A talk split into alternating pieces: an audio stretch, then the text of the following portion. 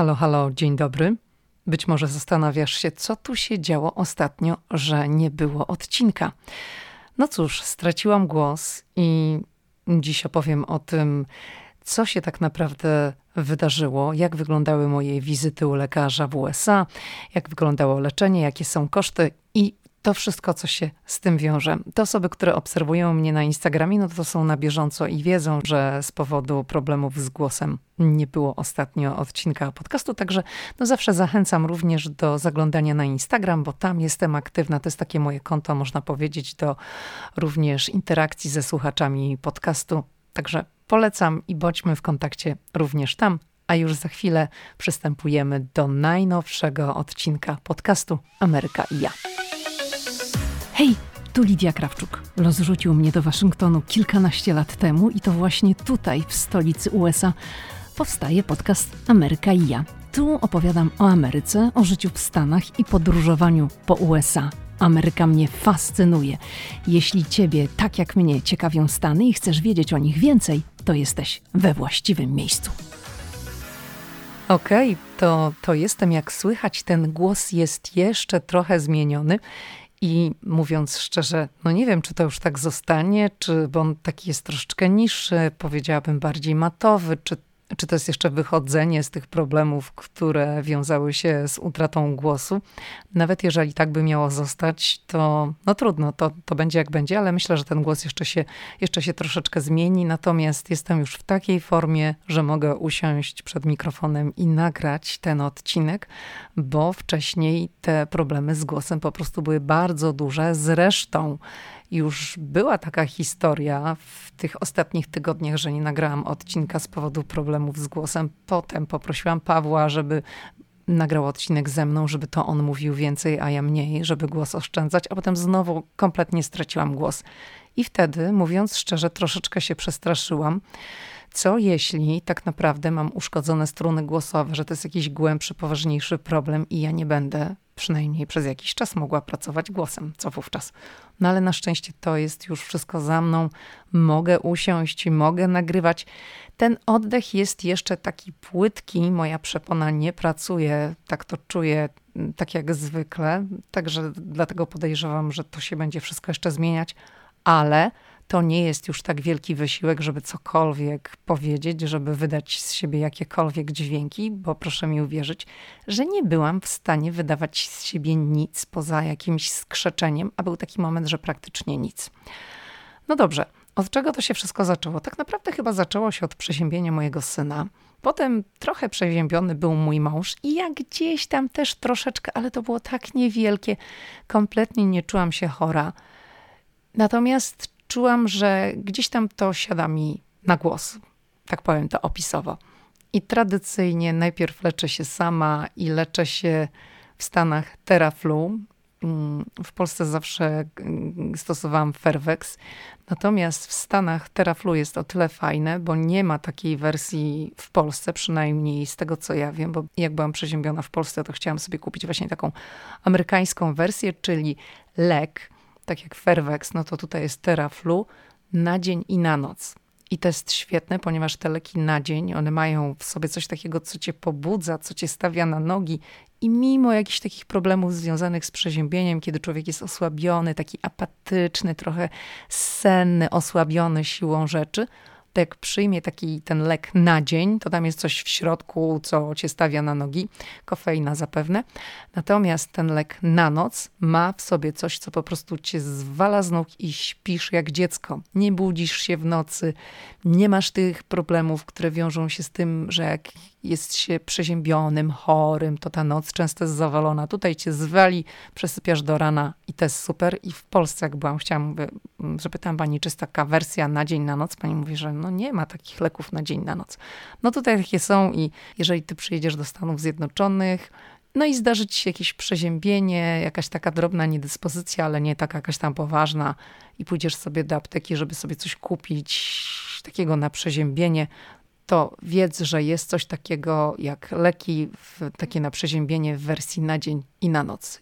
Można kupić w takim pakiecie, że jest ileś saszetek na dzień, ileś na noc i sobie stosujesz to w zależności od pory dnia i nocy. Ok.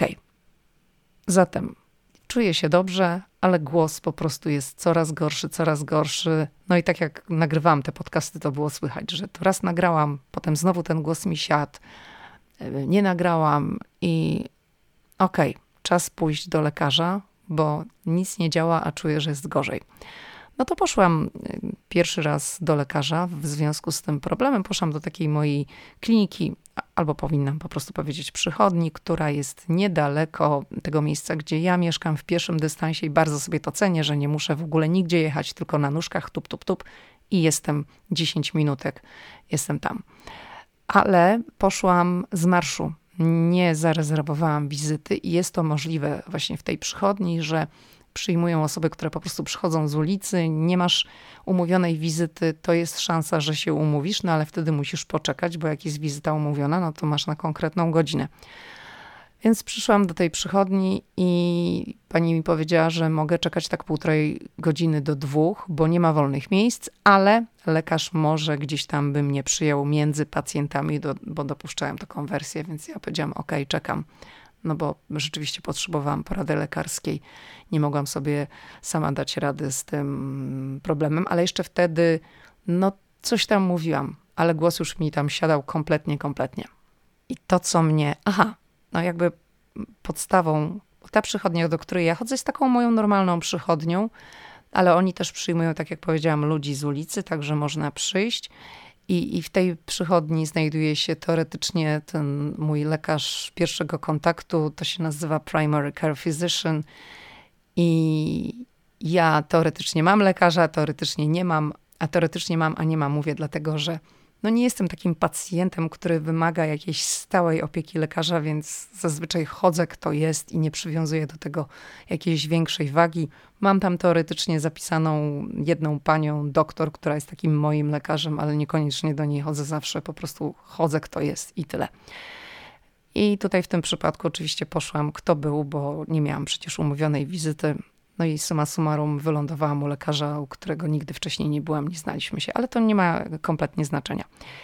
Idę oczywiście na podstawie mojego ubezpieczenia zdrowotnego, bo no to jest podstawa. Oczywiście, jeżeli nie masz ubezpieczenia, to musisz zapłacić za wszystko z własnej kieszeni. Ja mam ubezpieczenie zdrowotne, ale tak jak już mówiłam, w Ameryce to nie jest do końca tak, że masz ubezpieczenie i nic cię wizyta u lekarza nie będzie kosztowała to wszystko zależy od ubezpieczenia, jakie masz ubezpieczenie. Moje jest takie, że mimo, że to ubezpieczenie co miesiąc kosztuje mnie, mówię o mnie, dla jednej osoby, nie mówię o całej rodzinie, mówię o jednej osobie, bo tutaj jakby musimy uwzględnić koszty no, każdego członka rodziny, ale mniej więcej to wychodzi, że moje ubezpieczenie każdego z nas no, to jest ponad 300 dolarów na osobę w ciągu miesiąca. Czyli w moim przypadku to jest dopłacenie 35 dolarów za, za samą wizytę. Mogą dochodzić jeszcze inne koszty i o tym powiem jeszcze na koniec, podsumowując wszystkie koszty. No ale tutaj już wiadomo, że tyle muszę w ogóle zapłacić, żeby pójść i podkreślam do primary care physician, czyli takiego lekarza pierwszego kontaktu, bo taka wizyta nie kosztuje tyle w przypadku specjalisty, ale, ale ja nie mogę sobie pójść od razu do specjalisty, muszę pójść do lekarza pierwszego kontaktu i od razu sobie mm, pomyślisz, no dlaczego nie możesz pójść? No myślę, że to jest podobnie chyba jak w Polsce w tej chwili, że nie możesz sobie tak pójść do specjalisty bez skierowania. Tutaj też jest tak, że aha, od razu powiem, w moim przypadku mojego ubezpieczenia, może w moim regionie, bo ten system ubezpieczeń zdrowotnych w Stanach jest bardzo zakmatwany jest niejednolity, jest, jest ileś firm ubezpieczeniowych, te firmy mają swoje polityki. Także w przypadku mojej firmy ubezpieczeniowej, tego gdzie ja jestem ubezpieczona, a ja mam ubezpieczenie w firmie, która nazywa się Signa, to wygląda w ten sposób, że muszę pójść najpierw do lekarza pierwszego kontaktu, dlatego że być może moja niedyspozycja, moje schorzenie czy cokolwiek mi dolega jest mało skomplikowane i może to załatwić lekarz pierwszego kontaktu, bo specjalista jest zawsze droższy. Czyli to firma ubezpieczeniowa musi wyłożyć więcej pieniędzy za tę wizytę, więc wiadomo, że oni nie chcą płacić więcej, tylko chcą płacić mniej. Także najpierw zaczynamy od poziomu lekarza pierwszego kontaktu. Także tak było również w moim przypadku. Poszłam do lekarza pierwszego kontaktu, no żeby skonsultować, co tam się u mnie dzieje. Dobrze. Rejestracja. I tutaj było to naprawdę dosyć duże zaskoczenie, dlatego że mimo, że w tej rejestracji siedziały trzy panie, to jedna z nich powiedziała mi, że mam sobie zeskanować kod QR. Był taki na stałe podpięty iPad i powiedziała, że mam sobie zeskanować ten kod i w swoim telefonie, w moim telefonie mam wszystko wypełnić, wszystkie rubryczki, odpowiedzieć na pytania. Co musiałam zrobić w ramach tego? I to był taki element zaskoczenia, bo już nie byłam jakiś czas u lekarza i wcześniej mi się to nie zdarzyło, żebym musiała sama skanować moim telefonem moje ID, czyli mój dowód tożsamości. W moim przypadku dowodem tożsamości jest amerykańskie prawo jazdy, dlatego że w Stanach jest tak, że prawo jazdy może być Twoim jedynym dowodem tożsamości i dla większości Amerykanów tak jest, chyba że ktoś nie ma prawa jazdy, bo zdarzają się takie osoby, które nie mają prawa jazdy, zwłaszcza jak na przykład mieszkasz na Manhattanie, to nie potrzebujesz prawa jazdy, jesteś nowojorczykiem, zawsze tam byłeś, mieszkałaś, więc nie potrafisz jeździć, bo nie jest ci do niczego potrzebne, to może masz takie ID, taki dowód osobisty klasyczny, ale większość Amerykanów ma dowód, ma dowód osobisty w postaci prawa jazdy, które wygląda no tak jak karta kredytowa. I od razu tutaj muszę powiedzieć, że w Stanach nie ma tak jak w Polsce, że możesz mieć elektroniczny portfel, w którym masz w tym, w tym elektronicznym portfelu w telefonie swój dowód osobisty, swoje prawo jazdy, swoją kartę kredytową. W Stanach to tak nie działa. W Stanach to możesz mieć swoje karty kredytowe podpięte i płacić tym elektronicznym portfelem, nie we wszystkich sklepach, ale dowód osobisty to wciąż musisz wyciągnąć fizyczny dowód osobisty, czyli w postaci tej tego plast, kawałka plastiku, jak karta kredytowa, i to jest twój dowód. No i zaraz możesz zapytać, no ale jak to, dlaczego? Dlatego, że w Polsce no nie było przez dosyć długi czas pewnych rozwiązań, które tutaj obowiązują od dawna, są wdrożone jakieś systemy i Stany może nie są chętne tak y, inwestować i zmieniać w systemy, które działają, a Polska jako kraj, który rozwija się dynamicznie, szybko, bardzo dużo zmian nastąpiło na przestrzeni ostatnich no, wielu lat, powiedziałabym. Jeżeli już wprowadza te nowe rozwiązania, to wprowadza najbardziej nowoczesne. A Stany tutaj pod tym względem są opieszałe, także ktoś, jeżeli przyjedziesz tutaj pierwszy raz, no to możesz się zdziwić, że pewne rzeczy nie działają tak jak w Polsce czy w Europie. Mam na myśli te, te rozwiązania technologiczne. No ale tutaj, mm, jeżeli chodzi o, tą wizytę u lekarza, no to rzeczywiście musiałam sobie zeskanować ten kod wspomniany, musiałam zeskanować mój dowód osobisty, pierwsza, tam druga strona i przyszedł formularz do wypełnienia 17 stron. Można się naprawdę skichać. Pytania dotyczące mojego stanu zdrowia, moich y, przodków, łącznie tam z ludźmi z mojej rodziny, kto na jakie choroby chorował, nie wiadomo po co im to wszystko. W każdym razie, jak już wypełniłam te formularze dotyczące mojego stanu zdrowia, i to oczywiście nie miało e, nic wspólnego tak naprawdę jeszcze na tym etapie z problemem, z którym ja przyszłam. Potem przyszedł formularz dotyczący, to jest taki formularz, który nazywa się HIPAA i on dotyczy tych wszystkich informacji medycznych, że to jest tajne i ty tam deklarujesz, czy chcesz, czy wyrażasz zgodę, żeby ktokolwiek miał dostęp do twojej dokumentacji medycznej, czyli tam wpisujesz, że nie wiem, czy to może być małżonek, czy to może być ktoś z twojej rodziny, a może nie chcesz w razie czego z nikim się dzielić tymi informacjami na temat twojego stanu zdrowia. I do tego jest jeszcze taki jeden formularz, który dotyczy płatności, gdzie ty musisz tam swoim podpisikiem zadeklarować, że jeżeli firma ubezpieczeniowa z jakiegokolwiek powodu odmówi pokrycia kosztów medycznych, Twoich kosztów medycznych związanych z tą konkretną wizytą, to Ty za to zapłacisz i musisz się tam podpisać, bo jak nie, no to oni, no to my nie możemy tutaj pani przyjąć, bo pani nie podpisała tego pięknego formularza. Także jak już przeszłam przez to wszystko, to no mogłam usiąść w tej poczekalni i czekać. No i czekałam prawie dwie godziny na lekarza, no bo, no bo tak wyszło. To oczywiście, jak to w amerykańskich poczekalniach był włączony telewizor, bardzo często telewizor jest w poczekalni, już nie ma żadnych magazynów, bardzo rzadko, no bo każdy tam zazwyczaj przewija sobie w telefonie i każdy ma wzrok wtopiony w swój telefon i jest w swojej własnej wirtualnej rzeczywistości. Tutaj jeszcze przy okazji od razu powiem, jak wyglądają przychodnie, ponieważ schemat budowy przychodni amerykańskich jest inny niż schemat y, przychodni w Polsce. A mam tutaj na myśli to, że są te strefy bardzo wyraźnie rozgraniczone. Strefa, gdzie przebywają pacjenci czekający na wpuszczenie do gabinetu, gdzie przebywają lekarze i gdzie jest rejestracja. I rejestracja, powiedziałabym, jest czymś takim rozdzielającym. Czyli jeżeli na przykład porównam, załóżmy, do LuxMedu w Szczecinie, moim rodzinnym mieście, do nowoczesnej kliniki, do LuxMedu, który nie jest w jakiejś przychodni, która istnieje od wieków, tylko w budynku, który powstał w ciągu, załóżmy, ostatniej dekady, czyli to już jest nowy, nowoczesny budynek ale jego układ jest taki, że jest recepcja, do której się idzie albo już się nie idzie, bo przychodzi wiadomość tekstowa, że udaje się bezpośrednio do takiego i takiego gabinetu. I ty siadasz, mówię o Polsce, siadasz przed tym gabinetem i masz na drzwiach napisane bardzo często, że pacjenta prosi do gabinetu lekarz bo no są takie osoby, które nie mogą wytrzymać, muszą tam zajrzeć, a czy ktoś jest, czy może już mogę wejść, a nie mogę, a czy trzeba zapukać, czy nie ma, no to jest ta informacja.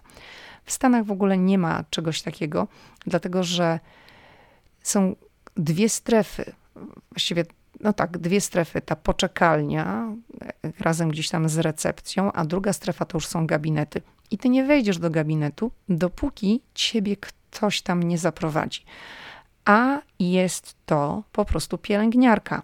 I pielęgniarka jest tą pierwszą osobą, z którą masz kontakt, bo ona od, od razu, do jakiego lekarza się nie idzie praktycznie, to ona od razu cię wsadzi na wagę. Musicie zważyć, zobaczyć ile ty ważysz, wsadzi cię na wagę i ta waga no, jest przed gabinetami, bo jest ileś gabinetów i zazwyczaj jest jedna waga, więc pielęgniarka cię wsadzi na tą wagę, zobaczy ile ważysz i jak cię zważy, to cię zaprowadzi do gabinetu, w którym nie ma lekarza. To zazwyczaj są takie no, małe pomieszczenia, bo lekarz tam nie siedzi, nie ma tam biurka, jest tam tylko taka kozetka lekarska, która się rozkłada i są jakieś takie szafki, w których są no, pochowane jakieś rzeczy potrzebne do badań. Często są jakieś opatrunki czy, czy inne rzeczy. I to pielęgniarka tam ci zmierzy ciśnienie, zmierzy ci temperaturę, jeżeli tam są potrzebne jakieś inne, no ale najczęściej to jest ciśnienie i temperatura i zrobi z tobą ten pierwszy podstawowy wywiad, czyli dlaczego tutaj jesteś, co cię sprowadza, jaki masz problem. Dwa, zapyta cię, jakie przyjmujesz obecnie leki i czy przyjmujesz leki, które ma w spisie, bo jeżeli jesteś pacjentem powracającym, korzystasz z tej kliniki, z tej przychodni, no to mają wszystko tam napisane, jakie masz leki, czy są to jakieś leki, które musisz przyjmować na stałe, czy na przykład mm, byłaś, byłaś poddana jakiemuś leczeniu i czy dalej kontynuujesz to leczenie z uwzględnieniem tych właśnie leków. Co się dzieje z lekarzem? Lekarz jest w tym czasie albo w swoim gabinecie, czyli tam, gdzie ma swój komputer, swoje biurko i wszystkie rzeczy, które mu są potrzebne do pracy, albo po prostu jest gabi w gabinecie z innym pacjentem, bo jest ileś gabinetów i po prostu lekarz przemieszcza się z jednego do drugiego, trzeciego gabinetu, a pacjenci w tym czasie czekają. Także może też wychodzi po ciebie pielęgniarka, ty mówisz, o już, dobra, ja tutaj już idę. Ona cię zważy, w gabinecie ci zmierzy to ciśnienie, temperaturę, zrobi ten wywiad i sam myślisz, no już dobrze, ona wyjdzie, a ty możesz tam czasami 30 minut czekać na lekarza, bo on jest w gabinecie obok albo dwa gabinety obok i zajmuje się innym pacjentem.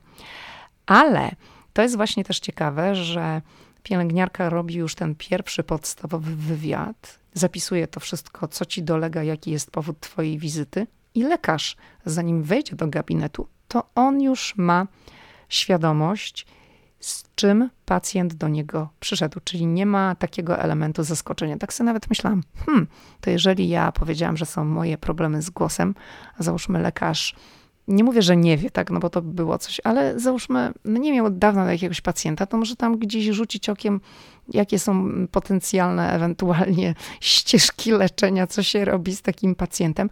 No bo jeżeli to jest primary care physician, taki lekarz pierwszego kontaktu, to ludzie przychodzą ze, ze wszystkim. Więc może tak, ma taką chwilę, żeby się do tego przygotować. Tak sobie pomyślałam, nie wiem, czy tak jest, ale taka myśl mi wtedy przyszła do głowy. Także jak w końcu przyszedł do mnie lekarz i powiedziałam, co mi dolega, no to wiadomo, że lekarz mnie osłuchał i to jest też, nigdy nie przestanie mnie to zadziwiać, ponieważ lekarze w Stanach Zjednoczonych nie osłuchują twojego gołego ciała, tylko to, co masz na sobie. Jak masz na sobie sweter, to cię przez ten sweter. Jak bluzka, to przez bluzkę. Nikt ci nie wsadzi stetoskopu pod bluzkę i nie będzie ci tam jeździł tym stetoskopem, tylko przez ten sweter. I, i zawsze mnie to naprawdę no, bawi, mówiąc szczerze. Nie wiem, z czego to wynika. No ale tak tutaj jest. I tyle. Jeżeli o, jeżeli idziesz do lekarza i no to wymaga, że musisz się rozebrać, no to wtedy też lekarz wychodzi. I to nie jest tak, że tam lekarz stoi albo za parawanem, albo odwraca głowę i ty się rozbierasz, tylko wychodzi, ty się rozbierasz, masz czas, puka i czeka, czy powiesz, że już może wejść. I jak ty mówisz tak, tak, proszę, to lekarz wchodzi. Także no, nie stoisz na golasa i się nie zastanawiasz, ktoś wiesz, będzie tam patrzył, czy nie patrzył. No to, to chodzi tak chyba o taki komfort pacjenta. W każdym razie po tej mojej pierwszej wizycie, co było takie zalecenie leczenia, z jednej strony powiedziałabym leczenie domowe, polegające na tym, że mam sobie kupić zwykły Advil jako lek przeciwzapalny plus płukanie gardła wodą solą, nawadnianie, duża ilość płynów i nic takiego wielkiego i zalecił mi, że, żebym, żebym tak postępowała w najbliższych dniach. Dał mi lek na receptę, lek taki silny, lek przeciwzapalny, sterydowy, ale zastrzegł, mówi, ja ci wysyłam ten lek do apteki, ale nie kupuj go od razu. I nie bierz go od razu, bo lepiej by było, jakbyś się uporała z tym sama, bez tego leku, bo ten lek może spowodować, że najpierw będzie gorzej, żeby potem było lepiej.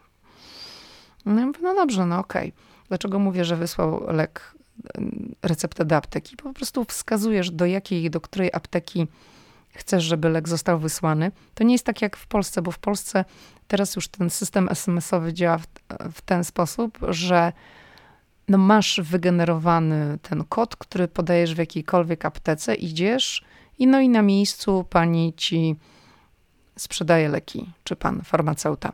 Natomiast w Stanach jest tak, że ty wskazujesz, którą aptekę chcesz, adres tej apteki i oni drogą elektroniczną wysyłają zamówienie tej recepty do tej konkretnej apteki i ty odbierasz już przygotowane leki z tej konkretnej apteki. Także czekasz na wiadomość tekstową od tej apteki, która ci napisze: Twoje, Lidia, Twoje leki są gotowe, możesz przyjść i odebrać. To jest zazwyczaj w przeciągu godziny taka wiadomość się pojawia. Dlaczego? Dlatego, że leki na receptę w Stanach nie są opakowane tak jak w Polsce, że masz na przykład tam 30 tabletek, a lekarz ci mówi, żebyś przyjmowała to przez tydzień. Czyli zużywasz połowę tych tabletek, 15, 15 ci zostaje, ty nie wiesz, co masz z tym zrobić. Tutaj masz konkretną liczbę tabletek, czyli na przykład jeżeli masz przyjmować przez 5 dni po 3 tabletki, 5 razy 3, 15, no to dostajesz 15 tabletek i tyle dokładnie ci lekarz odmierzy.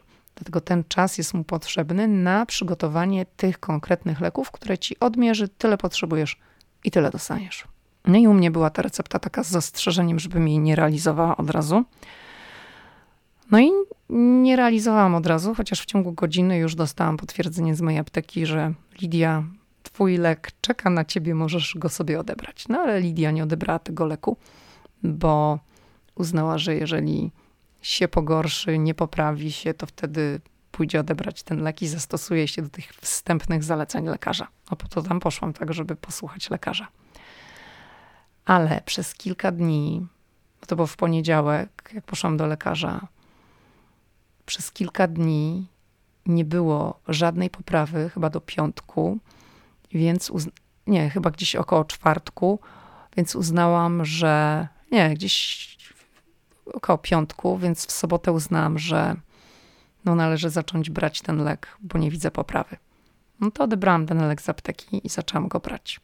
I jak zaczęłam go brać, no to rzeczywiście czułam, że jest trochę gorzej, ale miałam w tyle głowy, że powiedział, no na początku będzie gorzej, ale potem będzie lepiej. Więc no ten lek jest na 6 dni, więc zakładam, że jak już go będę kończyć po tych 6 dniach, to będę widziała poprawę. Skończyłam przyjmować ten lek i było jeszcze gorzej. Było tak, że praktycznie straciłam głos. Ja mówię, ja cię sunę, co ja mam teraz zrobić? No drugi raz chyba iść do lekarza, bo już było kompletnie o wiele, wiele gorzej. Praktycznie w ogóle nie wydobywałam z siebie żadnych dźwięków. Więc poszłam do lekarza jeszcze raz. Już nie musiałam przechodzić tej całej ścieżki takiej związanej z czekaniem, bo tym razem umówiłam się na wizytę. Umawiałam się dzień wcześniej i wizyta była dopiero o 6.30 wieczorem. No ale dobrze, że była. I trafiłam do innego lekarza, mm, do, do innej pani. Wtedy to był mężczyzna, teraz to była kobieta, która powiedziała, no powiedziałam, jak wyglądało leczenie i zada mi takie pytanie, no dobrze, ale jak widziałaś, że jest gorzej, to dlaczego brałaś ten lek? Ja mówię, no bo tak mi lekarz powiedział, że może być gorzej, a potem będzie lepiej. No to kontynuowałam, licząc, że jak skończę ten lek brać, to będzie lepiej, ale nie jest lepiej. No i ona mówi, no że ona, gdybym przyszła do niej, to by mi dała dokładnie ten sam lek na te problemy.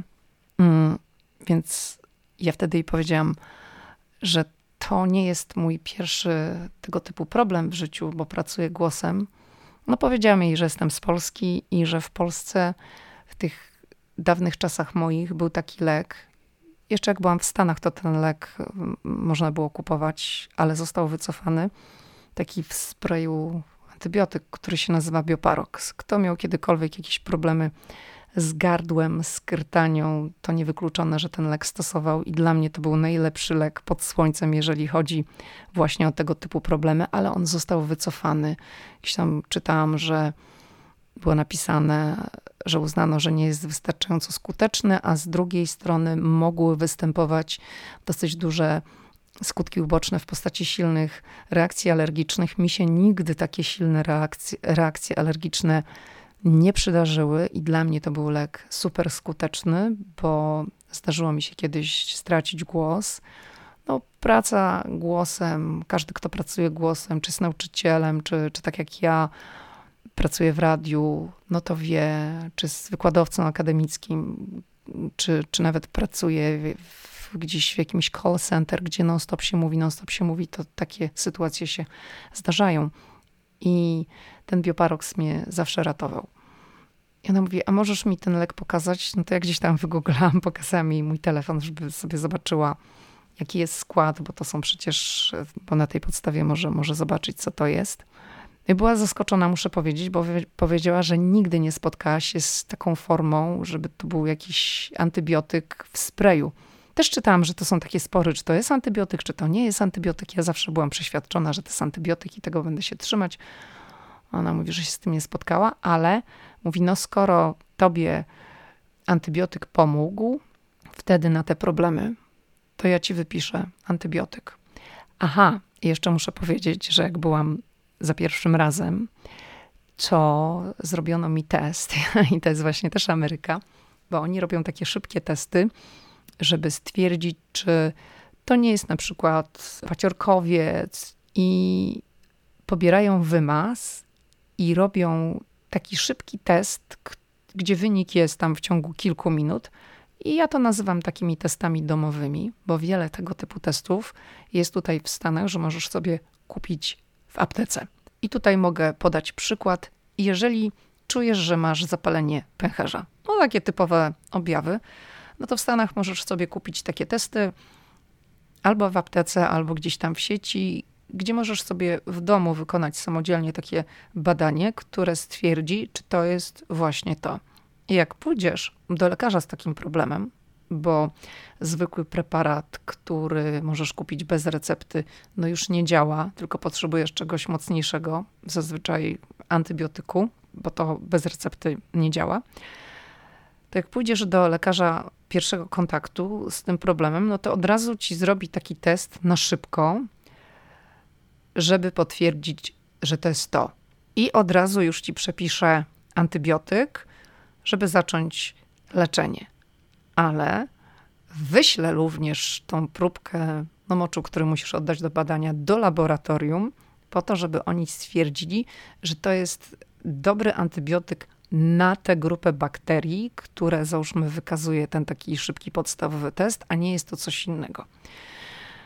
I może być zastrzeżenie, że gdyby się okazało, że to tam jest coś innego, to w międzyczasie zmienimy leczenie, ale już będziemy cię leczyć, żeby ci ulżyć. No jest to z jednej strony słuszna koncepcja, tak, no bo chcą od razu pomóc pacjentowi, żeby nie miał tych wszystkich objawów, które są niekomfortowe. Natomiast to jest też takie trochę, no wiecie, płacisz dwa razy, bo płacisz za ten pierwszy test, bo to już jest dodatkowo płatne wtedy. Mm, mówiłam, że w Stanach jest to współpłacenie w ramach ubezpieczenia, czyli zrobią ci taki szybciutki test, który ty sobie możesz zrobić też tak naprawdę samodzielnie w domu. Zrobią ci ten test, a potem wyślą też tą twoją próbkę, żeby zrobiono ten test gdzieś tam w laboratorium.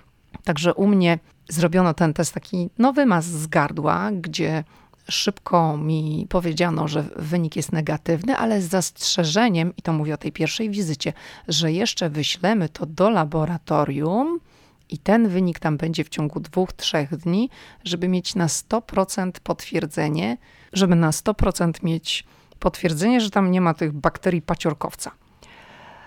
No i te oba wyniki, jak się okazało, były no, negatywne.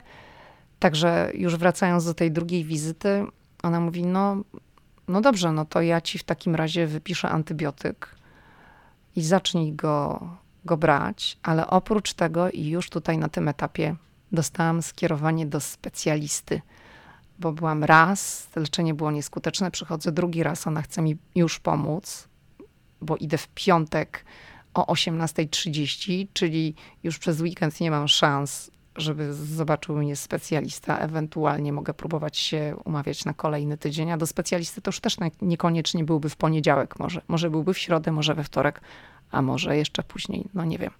W każdym razie już dostaję skierowanie do specjalisty i dostaję e, antybiotyk, który natych, receptę natychmiast wysyła do do apteki, żeby mogła jeszcze ją zrealizować w ten wieczór, żeby przyjąć pierwszą dawkę lekarstwa.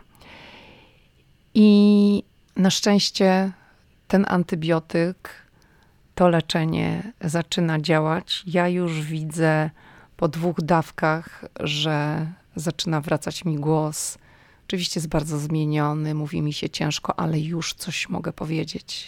Więc no, takie widzę światło w tunelu, że to wszystko zaczyna działać i że to leczenie, które wdrażamy za pomocą antybiotyku. Nie wiem, na ile się ta pani inspirowała tym bioparoksem polskim, ale mam wrażenie, że trochę się zainspirowała, że no, dajemy tutaj antybiotyk na, na ten problem, bo rzeczywiście to, to przyniosło skutek. Okay, to tutaj kolejny element tych moich wizyt u lekarza to są rachunki, które zaczynają przychodzić. Na razie dostałam e, rachu dwa rachunki za tę pierwszą wizytę i ta pierwsza wizyta miała miejsce 5 lutego.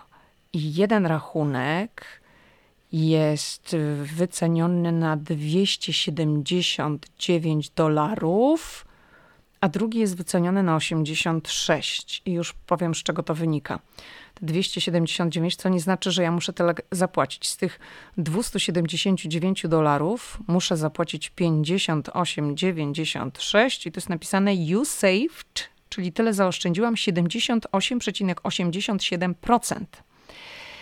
Ponieważ no, moja firma ubezpieczeniowa pokryła większość tych rachunków, większość tej sumy. Ja muszę 58,96 i co to jest? No to to jest w tym te 35 dolarów, które muszę zapłacić za samą wizytę, Plus oni tam zrobili ten test taki szybki na miejscu, więc na tyle to wycenili.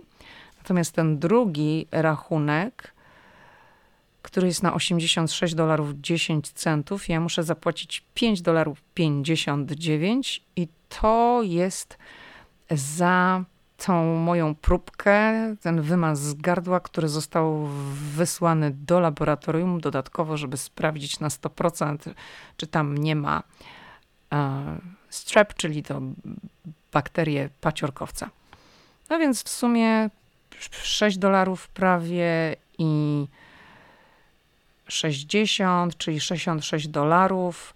No to tyle 66 dolarów mnie kosztowała ta pierwsza wizyta z własnej kieszeni, plus oczywiście co miesiąc tam ponad 300 muszę wydawać na ubezpieczenie, 300 dolarów na ubezpieczenie zdrowotne. No i jeszcze nie dostałam tego drugiego rachunku, ale zakładam, że jak dostanę ten drugi rachunek, no to będzie pewnie te 35 dolców do zapłaty wynikające z tego, że po prostu poszłam do lekarza pierwszego kontaktu. Do specjalisty nie poszłam, no bo w tej chwili nie widzę potrzeby, żeby iść do specjalisty, bo leczenie, które wdrożono, działa. Gdybym wybrała się do specjalisty, to moje ubezpieczenie mówi, że za wizytę u specjalisty płacę 80 dolarów, mimo posiadanego ubezpieczenia, tak? Czyli za każdym razem musiałabym dopłacić 80 dolarów, chyba że specjalista musiałby wykonać jakieś dodatkowe badania, czyli wysłałby mnie na jakiś, nie wiem co, jakieś badania, powiedzmy, za pomocą jakiejś aparatury, no to wtedy ile musiałabym dopłacić, nie wiem, bo to wtedy oni już kalkulują, albo kolejne wymazy i tak dalej.